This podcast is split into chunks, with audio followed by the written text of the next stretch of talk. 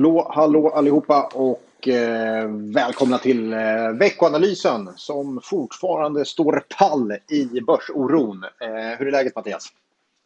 Det är bra. Eh, vi är ju inte på plats. Det är ju många som inte är på plats. Och det, ja, det finns mycket att göra även på håll kan man säga. Man är ju expert på olika former av telefonkonferenser och liknande nu. Mm, helt klart. Det en av få saker som fått sig ett uppsving eh, senaste tiden. Mycket telefonkonferenser nu. Eh, ja. Men eh, det är det väl värt om vi... Eh, Så är det. Eh, om, om vi får någonting gott utav det. Du är väldigt orolig, inte bara aktiemarknad, alla finansmarknader är eh, verkligen eh, i rörelse. Hur, man, eh, hur tolkar du allt det här som händer just nu? Äh, men det, är ju, det är ju allmänt lite dystert självklart och det är som du sa allting och, och det är ju om man tittar på de här stora krascherna historiskt så är det ju precis så det lite grann brukar vara. Nu är det här mer extremt än någonsin kanske de rörelserna men, men det som brukar hända när man säger att man ska ha en bred portfölj och vara diversifierad så det som händer när det går ner kraftigt är ju att eh, att det sen liksom när det väl vänder så går allting ner samtidigt. Då har inte den här diversifieringen riktigt hjälpt. Så att, eh, ja. ja. lite grann det ser vi nu också. Eh, har man haft eh, företagsobligationer eller har man andra räntepapper, det hjälper liksom inte. Allt det mesta går just nu ner. Eh, och eh, det ser väl tyvärr inte ut att bromsas just nu, även om det vi hade en riktigt stark dag i USA den sista dagen förra veckan. Men eh, det, det lär vara ja, riktigt dåligt ikväll när vi, när vi öppnar USA, nu när vi pratar måndag. Ja, vet du vad? Det är sommartid i USA. De har precis öppnat eh, när vi pratar om det här och det, det stängde direkt med, ja, med neddragning. Eh, men eh, just nu Dow Jones är ner 9,7 procent. Så ja. hela uppgången borta som den gick upp i fredags. Ja, det är i linje med Europa då i övrigt också. Ja, eh, stora fall. Eh, I alla fall eh, kring halv tre-tiden när vi spelar in det här så är det ja, kring 10% Stockholmsbörsen, OMXS30 klarar sig lite bättre med 7,8. Men, men, stora fall runt om i Europa. Eh, men det bygger ju bara på frågetecken. Man får mycket frågor nu förstås. Eh, varför faller det? Varför faller det? Och så vidare. Och när slutar det falla? Men det kommer ju bara nya frågetecken hela tiden. Och, och precis ja. som det är för oss eh, privat, som privatperson svårt att förstå corona och, och, och, hur det påverkar oss så är det väldigt svårt att se hur det här påverkar börsen. När vi sitter här så fick jag också nyheten om att eh, till exempel PSA, alltså Peugeot eh, och Citroën stänger ner sina fabriker i, eh, i Frankrike, Fiat har stängt mm. ner i Paris och så. Så det börjar bli den här det vi satt här i podden och pratade om den här utbudsoron att Kina får problem och hack i, i leveranser och så vidare. Eh, ja, nu har vi ju det i Europa samtidigt som vi har en efterfrågan som dör bort därför att vi sitter hemma eh, helt enkelt. Ja. Och det är väldigt ja. svårt att överblicka vilka konsekvenser det får och därför kanske det faktiskt är rimligt att börsen faller så kraftigt som den gör någonstans. Det är min ja. take på det. Eh, det finns väl många små åsikter om det. Så är det. Det ska ju ner ordentligt samtidigt kommer det tillbaka. Alltså, det kan gå ganska fort upp i sånt läge också. Alltså nu, nu är inte jag den som alltid försöker vara optimist här, men lite grann så är det ju så att mm. det, det som framförallt skiljer tycker jag, alltså, eh, det är ju att det faller så otroligt snabbt tycker jag. Alltså vi har haft många gånger tidigare mm. när, när det har hänt någonting och så ska det ner, men att det, att det går så otroligt fort. Eh, och det beror naturligtvis, det finns allt mer programhandel och det finns allt mer Eh, ja, bättre och bättre teknik för handlare. Eh, och det gör det faktiskt också lite svårt att hänga med. Eh, och det är svårt när man handlar liksom, värdepapper som kanske inte har daglig eller bra likviditet. Och det är ju det här också, ja. Vi, ja, man kan ju se på företagsobligationsmarknaden eller fonderna där börjar ju faktiskt eh, ha lite tufft också när man då kanske initialt behöver sälja av likvida papper och sen så sitter man kanske med lite mer illikvida papper och sker mer utflöden så kanske man måste sälja av där också. Så att det är det här som lite grann oroar mig också, förutom det ekonomiska som naturligtvis, det ska man inte glömma bort och framförallt kanske skulle jag säga vissa branscher, alltså som flygresebranschen, där är det ju naturligtvis katastrof. Och det är ju därför också att ja. det hjälper inte bara när det kommer kanske den här typen av penningpolitiska besked som det kanske varit initialt, utan då behöver man också få mycket finanspolitik med sig och faktiskt också direkta stöd till vissa sektorer för att de inte ska gå under. Just det. Just det. Eh, och det kommer ju, eh, kommer ju idag från eh, alla möjliga regeringshåll, men även den svenska regeringen kom in mm. med bland annat ja. permittering, att eh, staten går in och tar en stor del av lönekostnaden när det behöver permittera personal. Det är jättebra. Exakt. Det är en väldigt bra lösning. Eh, ja, som, precis. Kostnaden upp till två månader tror jag var. Mm. Just det, just det. Och det är klart att eh, det underlättar, men det skapar också lite andrum och en möjlighet att få tillbaka den här personalen eh, om det vänder. Så att det, det, är en, det är en positiv signal att, att regeringar och riksbanker gör allt de kan för att eh, förhindra att det här leder in i en finanskris. För där vill vi inte hamna och där är vi inte än heller. Även om börsen eh, går rakt ner så är vi inte i ett läge där banker inte eh, förmår att utföra sitt jobb. Eh, där är vi inte och hoppas inte hamna där heller. Men Eh, Absolut inte, och det kan vara värt att, att bara berätta om det. Att vi, vi, får ett, naturligtvis väldigt många frågor från kunder och ja, inte minst våra rådgivare. Eh, får ju massa stöd av oss centralt från analysavdelningar och det är, vi får ju bland annat lite frågor omkring det här med insättningsgaranti och så vidare. Och, eh, har, man, eh, har man placerat i fonder eller värdepapper och sånt där så är det naturligtvis inget som man påverkas av. Och även om det skulle vara så att man har stående belopp som överstiger statlig insättningsgaranti hos en storbank så är det idag ingenting vi ser hos några banker att det skulle krisa med eh, så att man är på väg att gå under, långt ifrån. Utan det här är inte alls i likhet med, med som vi såg under finanskrisen, utan det här är en, en annan typ av, av kris just nu. Den är nog viktig då att ha med sig.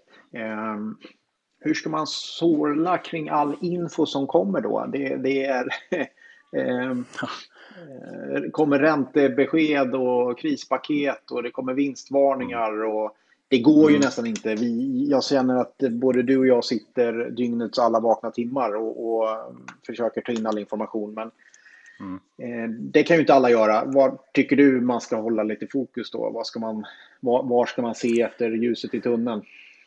Ja, men, eh, lite grann tycker jag i alla fall att om man, om man tittar hur utvecklingen var i Kina, vi kan ju tyvärr, vi, har, vi vet ju inte var det här landar. Vi, vi har inte haft det här viruset tidigare och vi vet inte hur stort och hur mycket det påverkar. Det vi, enda vi kan luta oss mot är ju den lilla historik som finns från den kinesiska utvecklingen. För ja, som egentligen började några, några veckor tidigare än hos oss. Och eh, det man kan säga där är ju i alla fall om man liksom tar det här värdepappersmarknadsperspektivet på sig.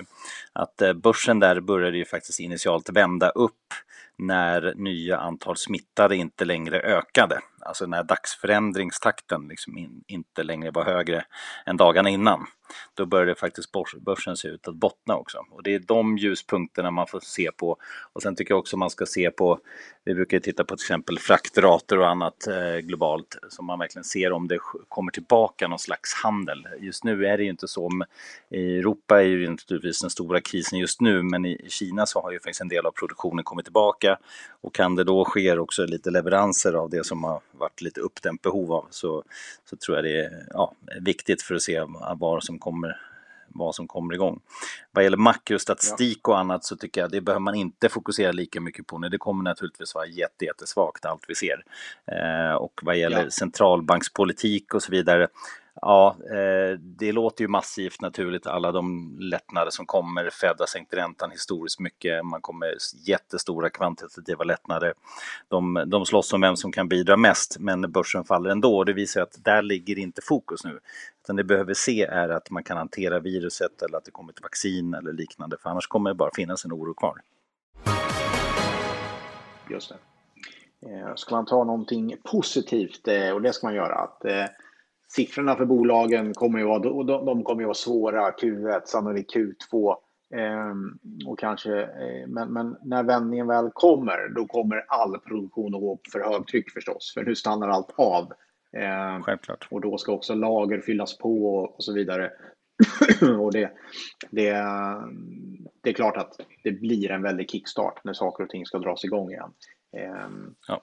Och det är klart, det är, det är positivt. Men eh, när det kommer och hur utdraget det blir, det får vi se. Nu påverkas produktion. Ja.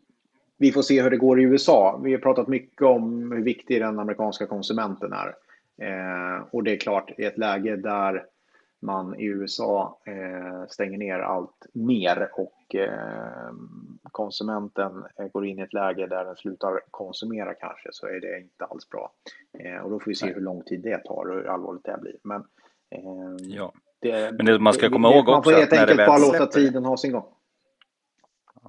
Ja, förlåt. Ja. Eh, när det väl släpper och, precis, och tiden har, har runnit iväg lite grann, då har vi ju faktiskt, när vi tittar då, så kommer vi faktiskt ha lägre räntor. Vi kommer ha lite uppdämt behov av allting och vi kommer ha lägre oljepris och vi kommer liksom ha en ganska gynnsam situation. Så om man blickar framåt så, så finns det definitivt ljuspunkter att hämta och det är, jag tror också att man under väldigt, väldigt snabb tid helt enkelt har prisat in Eh, mycket negativt och i vissa lägen kanske för negativt också.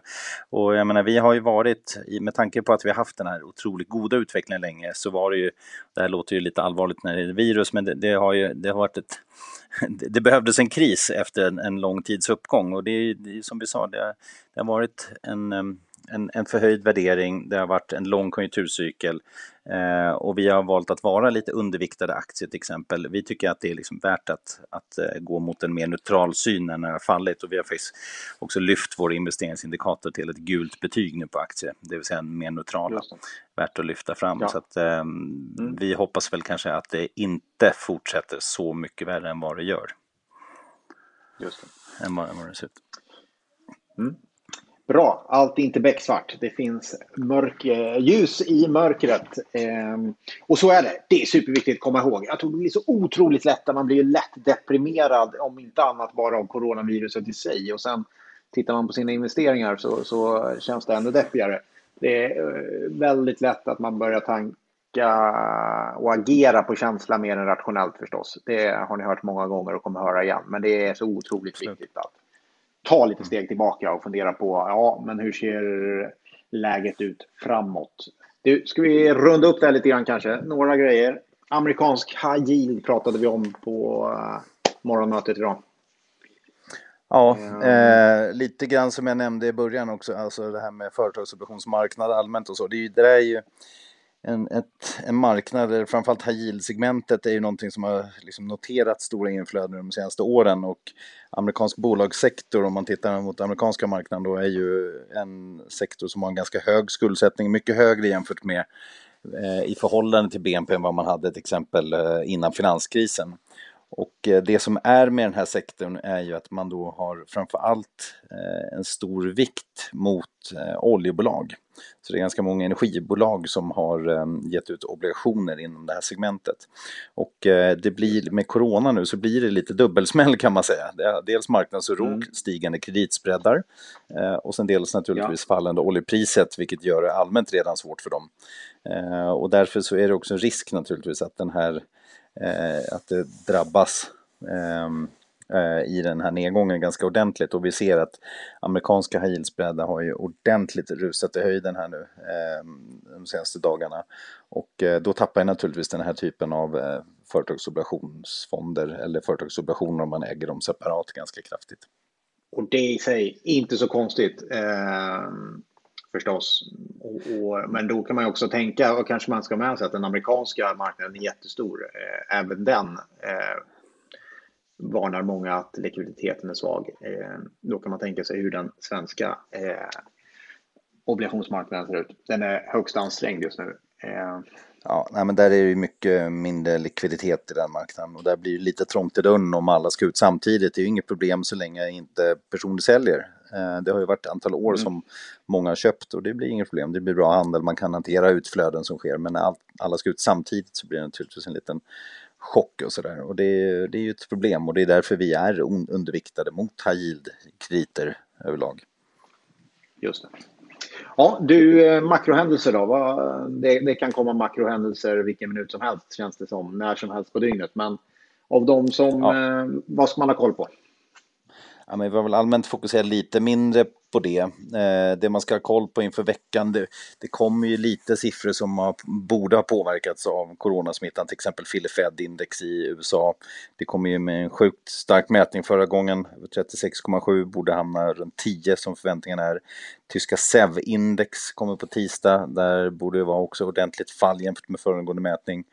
Eh, men jag skulle säga som sagt att det inte är, det är inte fokus. Det är precis som förra veckans eh, svenska inflationsstatistik som vi tar upp till exempel i vår veckoanalys. Det, det, är inte en, det hamnar lite i skymundan kan man säga. Utan det fokus är ja. på eh, penningpolitiska beskeden och de finanspolitiska beskeden. Det är där vi behöver leta nyheter mm. just nu. Just det. Men de siffror som kommer är naturligtvis svaga.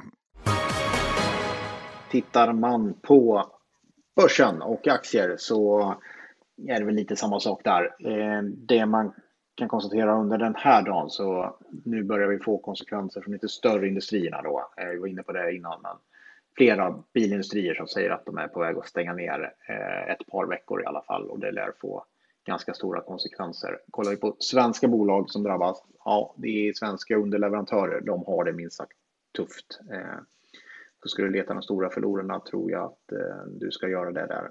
Eh, dels för att de har haft det tufft redan från början med med eh, vad som hände i Kina och det påverkar dem och nu också när, när, när europeisk industri eh, stänger ner allt mer. Så det, det kan nog bli lite tufft. Det lär komma många vinstvarningar från alla håll och kanter. Vi har redan fått Electrolux. Eh, SAS kommer med, drar ju ner i princip hela sin verksamhet just nu. Så, eh, det kommer komma massor med eh, saker under veckan som kommer. Vi försöker samla ihop dem och så gör vi ett försök och återkommer igen eh, nästa vecka helt enkelt. Eller eh, vad säger du Mattias? Ja, det gör vi. Det blir utmärkt. Det gör vi. Yes. Ha det gott alla, eh, allihop och, och ta hand om er så hörs vi om en vecka. Ha det gott. Hej! Kära mödrar och var ni era fäder med. Därför partypatrullen och kräver det. Och vågar inte stå där stilla med benet på väggen, stå där och chilla. Då kommer discosnuten bötfälla dig. Då får du discotruten bötfälla dig. Olagligt att inte dansa, asexuell, straight eller transa. Och vi ska upp bland molnen, varannan dag med nasso och skål sen. Vi ska twista till svetten, lackar till polisen, juristen och rätten backar. Skiter i tiden och vad klockan slår när vi revar hela dygnet så långt vi förmår.